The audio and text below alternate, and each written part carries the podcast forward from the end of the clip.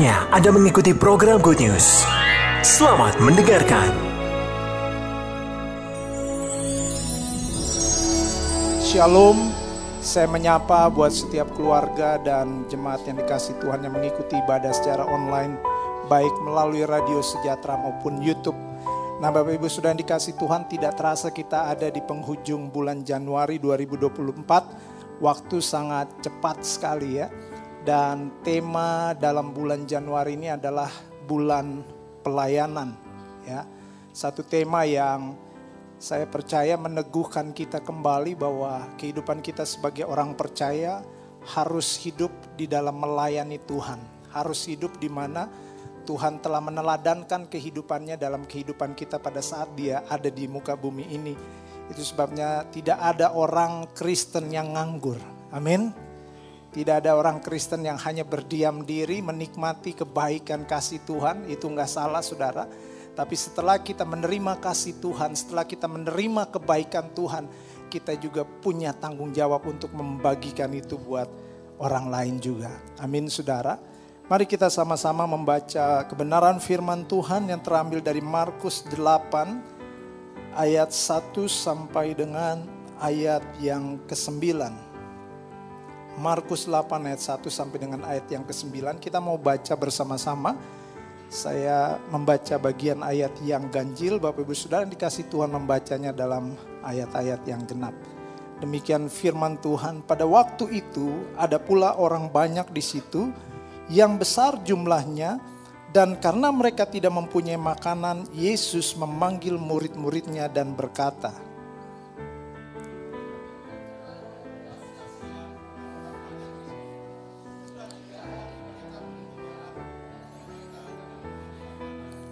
Dan jika mereka kusuruh pulang ke rumahnya dengan lapar, mereka akan rebah di jalan sebab ada yang datang dari jauh.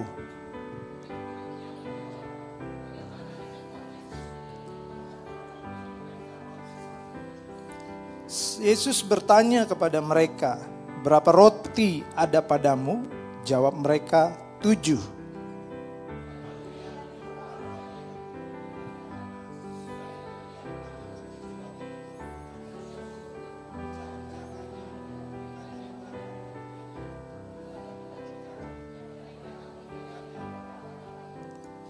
Mereka juga mempunyai beberapa ikan dan sesudah mengucap berkat atasnya, ia menyuruh supaya ikan itu juga dibagi-bagikan.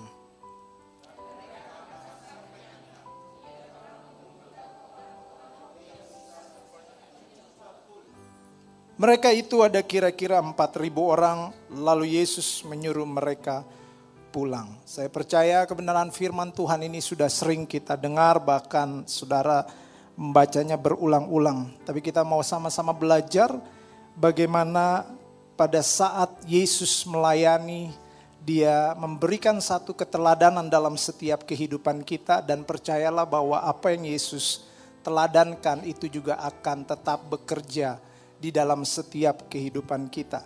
Nah judul khotbah pagi hari ini yang saya akan sampaikan kepada setiap jemaat Tuhan yang dikasih Tuhan tempat ini adalah melayani dalam keteladanan Yesus. Sekali lagi melayani dalam keteladanan Yesus. Kita tahu Yesus memberikan hidupnya bukan hanya untuk menyelamatkan orang-orang berdosa tetapi juga dalam sepanjang kehidupannya dia Allah yang memiliki belas kasihan, dia Allah yang berjalan sambil berbuat baik, dia Allah yang penuh dengan kasih dan dia mau membagikan kasihnya kepada orang-orang yang membutuhkannya.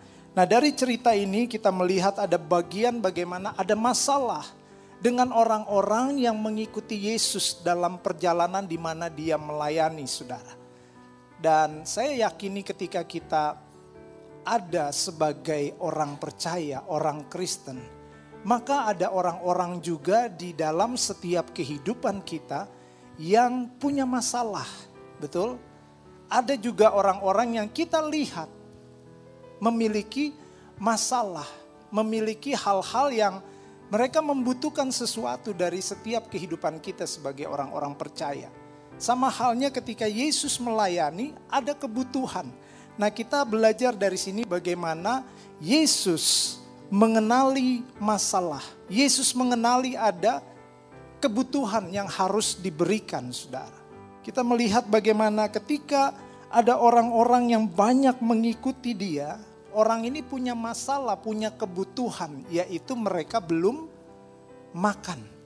Ya, Nah Yesus mengenali masalahnya. Yesus mengenali ada kebutuhan yang dia harus berikan kepada orang-orang yang mengikutinya. Saya yakin sekali lagi bahwa ketika kita menjadi orang Kristen, kita juga akan diizinkan Tuhan bertemu dengan orang-orang yang punya masalah. Bertemu dengan orang-orang yang punya kebutuhan. Apakah kita mengenali?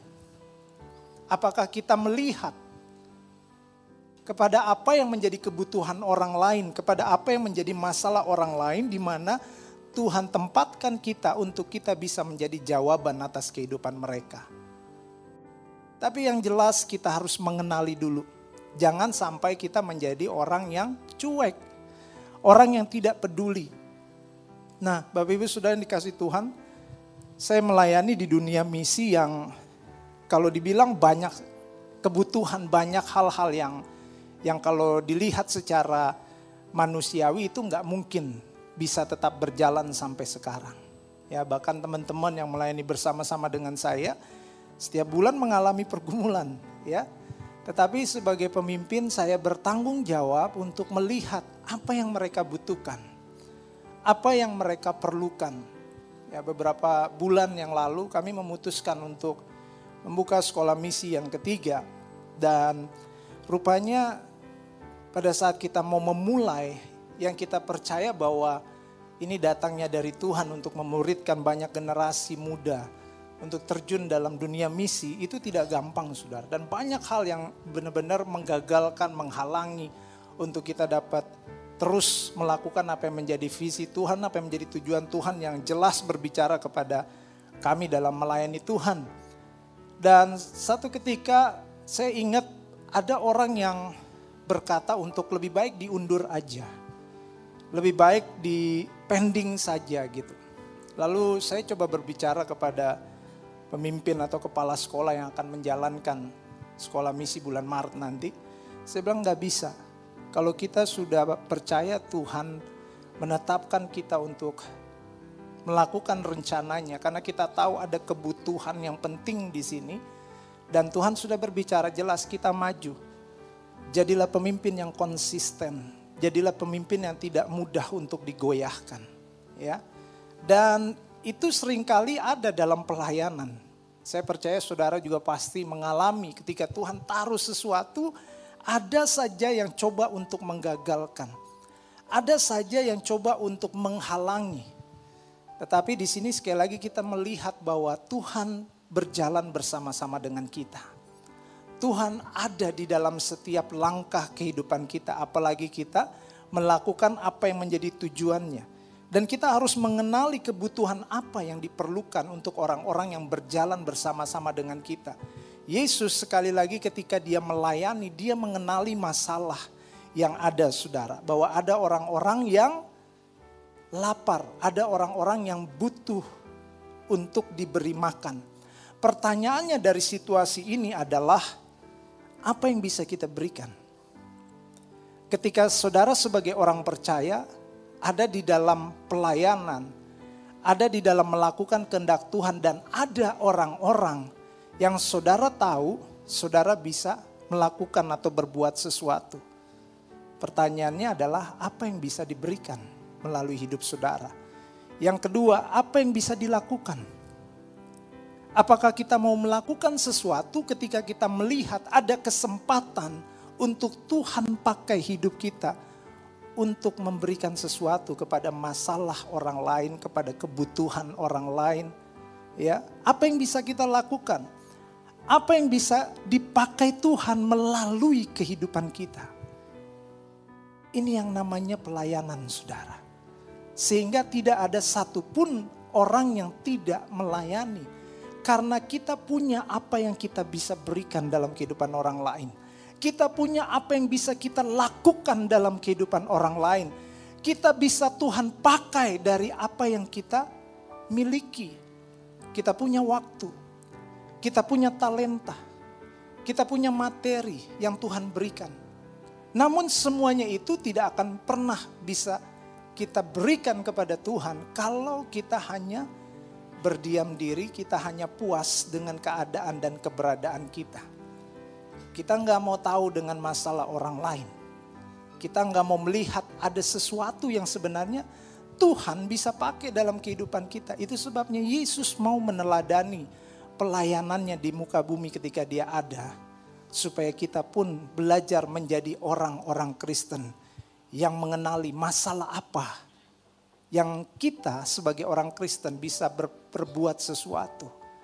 Ya, ini yang menjadi tugas tanggung jawab kita sebagai orang percaya, merepresentasikan, mewakilkan Yesus di muka bumi ini.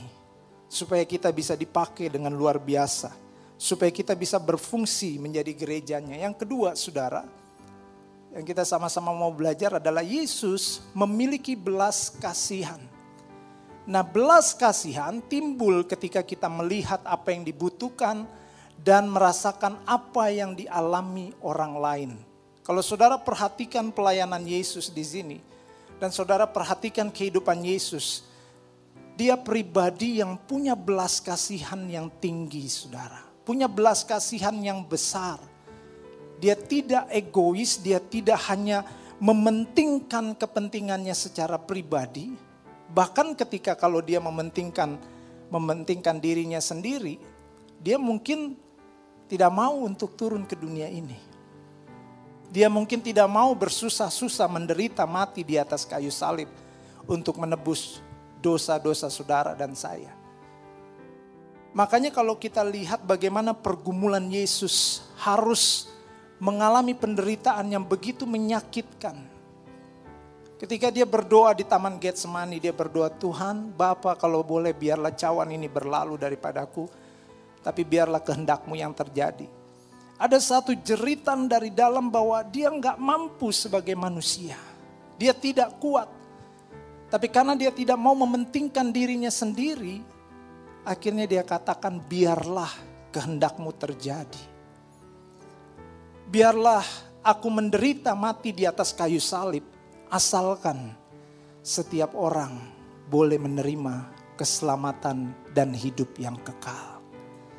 Ada belas kasihan saudara. Kita harus melihat apakah di dalam kehidupan kita belas kasihan Allah tetap ada. Apakah ketika kita melihat ada orang-orang yang kita bisa tolong, ada orang-orang yang kita bisa bantu, ada orang-orang di mana Tuhan bisa pakai hidup kita untuk menjadi jawaban atas masalah mereka, kita benar-benar rela kita benar-benar membagikan belas kasihan Allah di dalam kehidupan kita buat mereka. Atau kita hanya berdiam diri. Belas kasihan Allah akan memampukan saudara untuk dapat melihat dan merasakan kesusahan orang lain. Betul? Belas kasihan Allah akan memampukan kita untuk dapat melihat dan merasakan kebutuhan orang lain. Belas kasihan Allah memampukan kita untuk dapat melihat dan merasakan pergumulan orang lain. Belas kasihan Allah memampukan kita juga untuk dapat melihat dan merasakan penderitaan orang lain. Yesus selalu ada buat orang-orang yang berkesusahan. Yesus selalu ada buat orang-orang yang membutuhkan. Yesus selalu hadir ada buat orang-orang yang mengalami pergumulan dan penderitaan. Itu sebabnya bagian dan tanggung jawab kita sebagai gerejanya adalah apakah kita mau dikirim oleh Tuhan, mau berjalan dengan Tuhan untuk melihat kesusahan orang lain, untuk melihat kebutuhan orang lain, untuk melihat apakah pergumulan orang lain melalui kehidupan saya, saya bisa berbuat sesuatu, dan juga untuk merasakan penderitaan orang lain. Kalau kita memiliki belas kasihan Allah, maka kehidupan orang banyak di muka bumi ini akan mengalami kasih Tuhan. Amin. Amin saudara. Karena bagaimana orang bisa merasakan kasih Tuhan, bagaimana orang bisa melihat Tuhan Yesus dalam kehidupan saudara. Mereka melihat bukan karena mereka melihat, lihat dompetmu dan lihat identitas KTPmu. Oh kamu orang Kristen. Tidak saudara. Yang mereka lihat adalah dari kehidupan saudara. Yang mereka bisa merasakan kasih Yesus adalah ketika saudara pergi untuk menjadi jawaban atas kebutuhan, atas penderitaan, atas pergumulan dan kesusahan mereka. Di situlah Tuhan akan bekerja dalam kehidupan mereka. Amin, saudara. Ini yang menjadi bagian dalam kehidupan kita sebagai gereja Tuhan. Kita tidak bisa merem atau kita tidak bisa mengacukan sesuatu yang ada di sekitar kita, ada di sekeliling kita sekali lagi untuk melakukan apa yang menjadi rencana Tuhan, untuk melihat kebutuhan, pergumulan dan penderitaan orang lain itu tidak mudah. Saya tahu dan benar-benar melihat sendiri dalam kehidupan saya kadang-kadang susah. Tetapi Tuhan tidak mencari orang yang banyak alasan. Tuhan tidak mencari orang yang punya dulu baru berangkat. Enggak. Dia hanya mencari adalah orang yang memiliki hati untuk pergi membawa kasih dan kuasa Tuhan. Soal sesuatu yang nanti Tuhan kerjakan dalam hidup saudara itu ada di dalam kehendak Tuhan dan ada di dalam pekerjaannya di dalam kehidupan saudara. Tapi buat kita adalah kita mau pergi dulu gak? Kita mau melangkah dulu atau tidak? Kita mau berikan sesuatu atau enggak? Karena ketika saudara memiliki keinginan, kemauan untuk dipakai Tuhan menjadi jawaban bagi kebutuhan orang lain, bagi pergumulan orang lain, selebihnya Tuhan akan bekerja melalui kehidupan saudara. Dan itu seperti roti dan ikan. Ya. Hanya sebagian.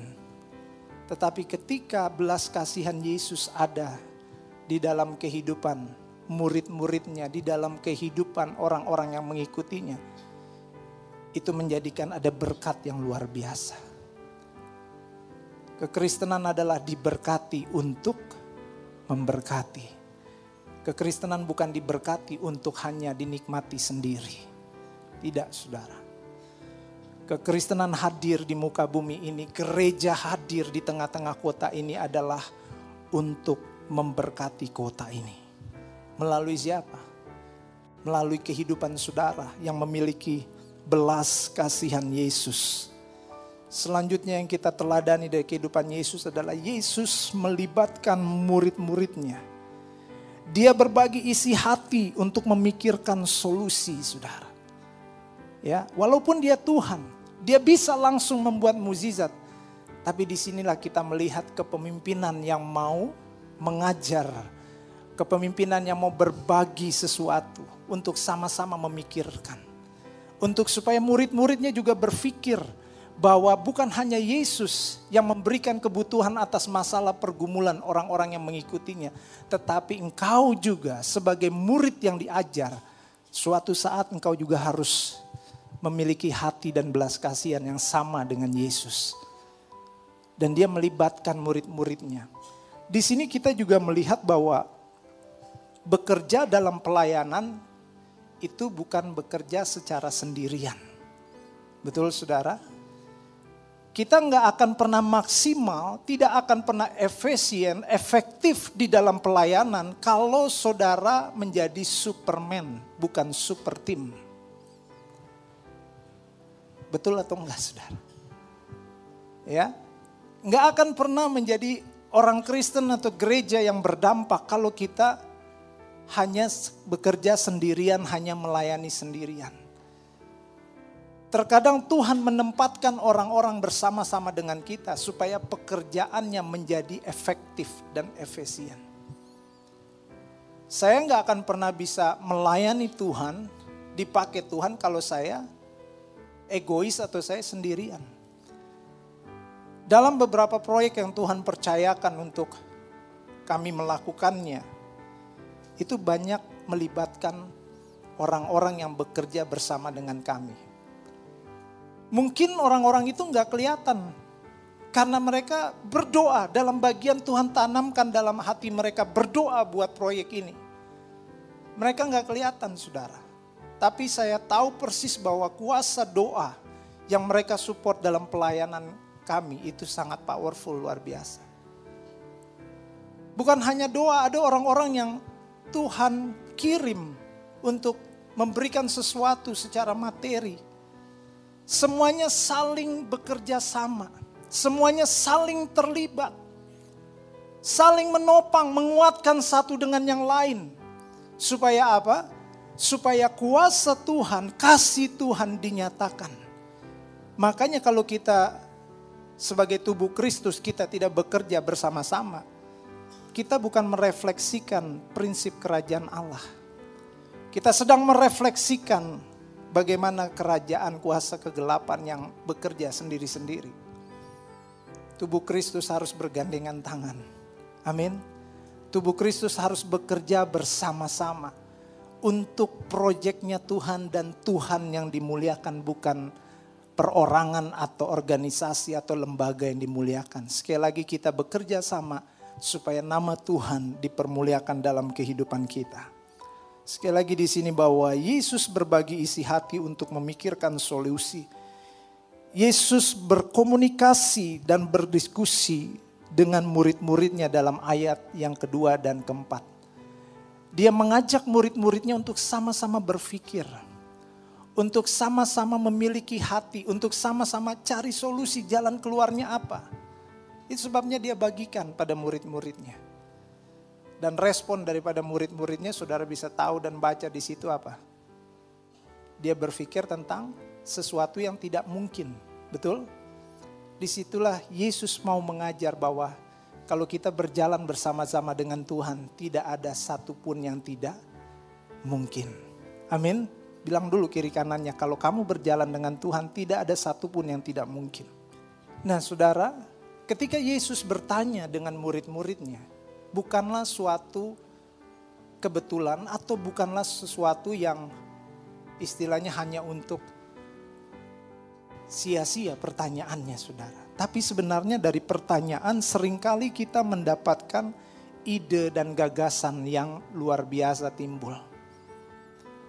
Bukankah setiap pemecahan masalah itu ketika kita melibatkan, menghujani setiap masalah dengan pertanyaan-pertanyaan, lahir sesuatu yang akhirnya menjadi gagasan atau ide untuk berbuat sesuatu, untuk menemukan solusi. Betul gak saudara? Makanya dalam pelayanan di tempat kami melayani, kami menerapkan prinsip kemajemukan. Karena satu orang berpikir dengan tiga orang berpikir, itu berbeda. Betul gak? Benar apa enggak saudara? Kalau kita berpikir sendirian, maka hasil yang kita ciptakan, ide dan gagasannya hanya satu. Tapi kalau kita bertiga, berlima, maka ada kekayaan yang bisa menolong kita untuk melihat dari berbagai angle. Dan saya melihat hal itu benar-benar berfungsi luar biasa. Itu sebabnya Yesus melatih murid-muridnya juga. Dia berkomunikasi di sini dia belajar untuk bagaimana berkomunikasi melibatkan murid-muridnya untuk memikirkan bersama. Nah, dalam pelayanan kita juga harus belajar menundukkan diri bekerja secara tim. Berkomunikasilah dengan baik. Saudara tahu saudara melayani dengan tim tapi saudara tidak berkomunikasi dengan baik, maka bukan solusi yang ditemukan, tapi masalah yang terjadi. Betul gak? Benar ya saudara? Pernah ada di dalam suatu tim, dia nggak berkomunikasi dengan baik, tiba-tiba dia marah karena kesalahannya tidak berkomunikasi dengan baik. Itu bisa membuat pelayanan menjadi tidak berkembang, bahkan bisa membuat pelayanan menjadi hancur.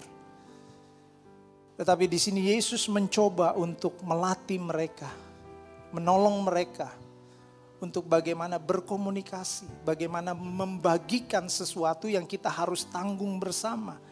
Inilah suatu keteladanan yang luar biasa yang Yesus berikan bagaimana dia melayani buat orang-orang yang memiliki kebutuhan. Selanjutnya yang keempat, kita belajar bersama-sama. Yesus memulai dengan apa yang ada. Jangan fokus kepada apa yang tidak mungkin. Seringkali ketika ada masalah, ada persoalan, fokus kita hanya melihat kepada persoalannya, kepada masalahnya. Tapi kita nggak melihat kepada apa yang Tuhan bisa perbuat melalui dan di dalam kehidupan kita. Jangan fokus kepada apa yang tidak mungkin, tetapi fokuslah kepada apa yang bisa dilakukan dan dipakai untuk sebuah solusi. Segala hal yang besar yang terjadi sering kali dimulai dari hal-hal yang kecil. Kebutuhan makan untuk 4.000 orang itu hal yang besar. Tapi Tuhan pakai hal yang kecil. Memberi makan 4.000 orang dengan apa? Hanya dengan berapa? Tujuh empat roti ya. Dengan ikan yang tidak banyak. Tapi di tangan Yesus segala sesuatu yang tidak mungkin menjadi menjadi mungkin. Amin. Tinggal bagaimana kita mau mempercayai apa yang ada dalam kehidupan kita. Kita serahkan kepada Tuhan. Ya. Di tengah-tengah apa yang kita butuhkan, kita harus menyerahkan di tangan Yesus Percayakan apa yang kita butuhkan dalam tangannya, bukan dengan kekuatan kita. Betul ya saudara? Seringkali ketika ada masalah, ada kebutuhan yang sangat serius, kita terlalu gampang untuk mengandalkan manusia. Sehingga kita lupa bahwa itu hanya bisa dikerjakan dan diselesaikan di dalam tangan Tuhan yang luar biasa. Terkadang mujizat terjadi karena Yesus mau melihat berapa banyak yang ada pada kita untuk kita bisa serahkan kepadanya. Ya. Dia mengizinkan ada sesuatu yang besar mungkin terjadi dalam kehidupan saudara dan saya, ada pergumulan yang besar, ada tantangan yang besar. Dan dia izinkan itu terjadi semata-mata dia mau melihat apa yang kita mau berikan kepada dia di tengah-tengah pergumulan ini. Apakah kita memberikan hati kita untuk percaya kepada dia? Ataukah kita mengizinkan sesuatu yang mungkin dia katakan serahkan, bagikan, lakukan. Karena ketika saudara berani untuk memberikan sesuatu di tangan Yesus, dia akan menjadikan itu menjadi sebuah mujizat yang besar. Amin. Beranikah saudara memberikan hidup saudara kepada Yesus? Beranikah saudara memberikan sesuatu yang Tuhan minta? Karena dia selalu akan memakai apa yang ada pada saudara, bukan yang tidak ada. Tuhan bukan saja memberikan apa yang kita butuhkan, tetapi dia juga memakai kita untuk dapat memberkati orang-orang lain juga. Saya percaya di tangan saudara ada roti dan ikan yang bisa Tuhan lipat gandakan buat kebutuhan orang lain. Amin. Ada sesuatu dalam hidup saudara yang Tuhan bisa pakai di tangan Tuhan yang saudara berikan kepada Tuhan.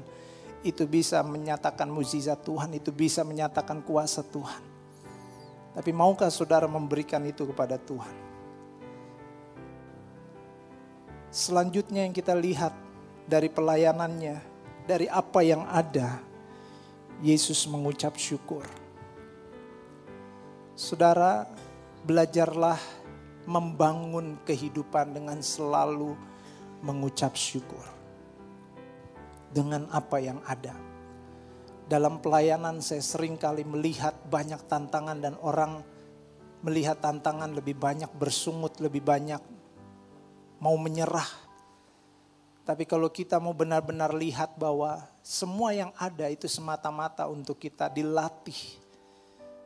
Bahwa Allah sanggup memberikan kita kemenangan. Allah sanggup memberikan kita kekuatan. Allah sanggup menolong kita. Dan semuanya itu hanya bisa terjadi ketika hati kita penuh dengan ucapan syukur. Amin saudara. Terjadi pelipat gandaan dari beberapa roti dan ikan. Itu disebabkan karena ada di tangan Tuhan dan Tuhan mengucap syukur setelah dibagikan itu bermultiplikasi. Amin. Karena ucapan syukur saudara membuktikan bahwa saudara tidak terikat dengan keadaan dan situasi. Saudara hanya terikat dengan apa yang Tuhan katakan. Apa yang Tuhan kehendaki. Kata lainnya begini, ketika saudara mengalami masalah dan saudara lebih cenderung berfokus kepada masalah saudara, saudara terikat dengan situasi itu. Saudara terikat dengan kondisi di mana apa yang saudara lihat dan rasakan. Tapi kalau saudara mengucap syukur artinya saudara tidak terikat dengan hal itu. Saudara terikat dengan kehendak Tuhan, dengan apa yang Tuhan akan lakukan dalam kehidupan saudara karena saudara dan saya adalah anaknya. Saudara dipelihara oleh Bapa Surgawi. Jadi kalau saudara mengalami pergumulan, saudara mengucap syukur, itu artinya saudara nggak takut, saudara nggak khawatir karena Tuhan bertanggung jawab dalam kehidupan saudara.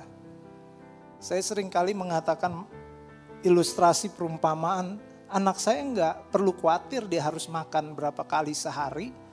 Dia nggak perlu khawatir uang sekolahnya siapa yang bayar. Dia hanya hidup menikmati hidup aja. Pokoknya yang saya tahu di rumah ada makanan sehari tiga kali bahkan lebih termasuk snack-snack dan jajanan. Ya kan? Karena apa? dia hidup dengan orang tuanya, dia tahu orang tuanya akan memelihara, mencukupi apa yang dia butuhkan. Saudara, apa yang saudara lakukan di dunia ini kalau saudara melakukan untuk kehendak Allah? Saudara ada di dalam pemeliharaan Tuhan.